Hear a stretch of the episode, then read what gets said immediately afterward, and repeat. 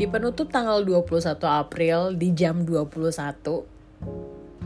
episode kali ini direcord. Berkontemplasi seharian ini tentang gimana sih gue sebagai Kartini di masa sekarang, perempuan gitu ya, di masa sekarang, sudahkah saya mendapatkan hak-hak saya yang diperjuangkan sejak awal, sejak Kartini ada? Atau justru ada hal yang masih jadi PR besar untuk saya dan teman-teman perempuan saya lainnya.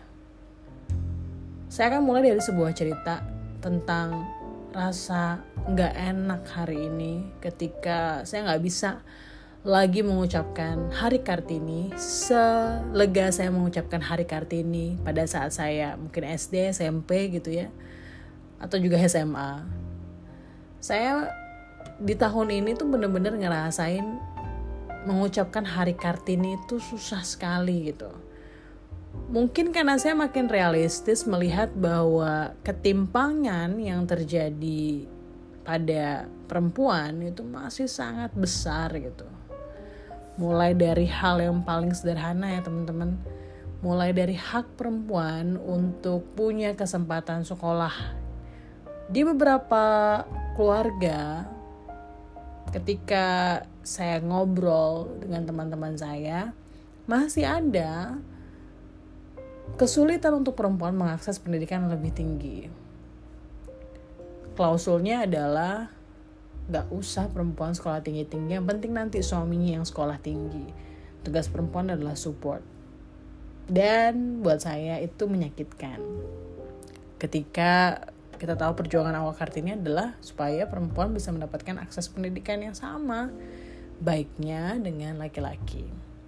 Yang kedua, gap perempuan dalam mengakses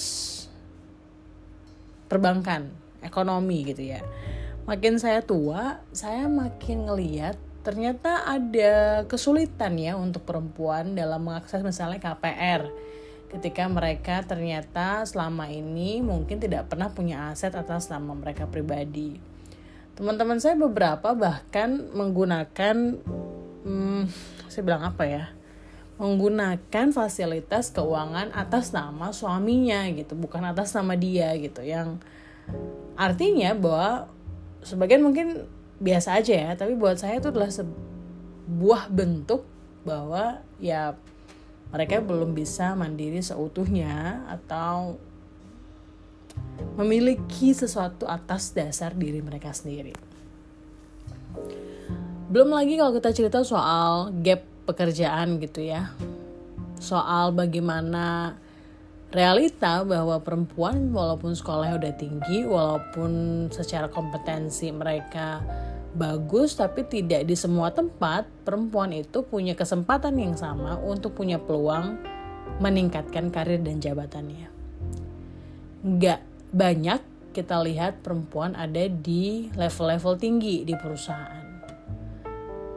Sedang berjuang, sedang berproses, sudah mulai ada progresnya, tapi memang masih belum sebanyak teman-teman laki-laki. Belum lagi kalau kita ngobrol soal kekerasan gitu masih banyak saya ngeliat teman-teman perempuan saya yang berjuang untuk dapetin hak mereka untuk mendapatkan keadilan soal kekerasan yang mereka alami tapi ternyata ujungnya gak ada yang percaya sama omongan mereka. Dan masih juga sering saya lihat anak-anak perempuan tidak berani menyampaikan pendapat mereka gitu. Simply karena mereka sering kali dibungkam. Ah, perempuan mana tahu urusan kayak begini. Ah, perempuan mah sana masak-masak aja, dan dan dan dan aja gitu. Dan masih banyak cerita lainnya soal perempuan. Mungkin kamu bisa bantu saya untuk bercerita soal ini. Pasti banyak sekali.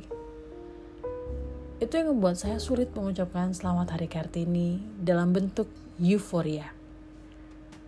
Saya lebih senang menjadikan tanggal ini pengingat saya bahwa apa kontribusi yang sudah saya lakukan untuk diri saya sebagai perempuan dan juga teman-teman perempuan saya dan bahkan orang lain yang juga berjenis kelamin perempuan untuk bisa mendapatkan hak mereka secara adil, untuk bisa membantu mereka bertumbuh bersama-sama,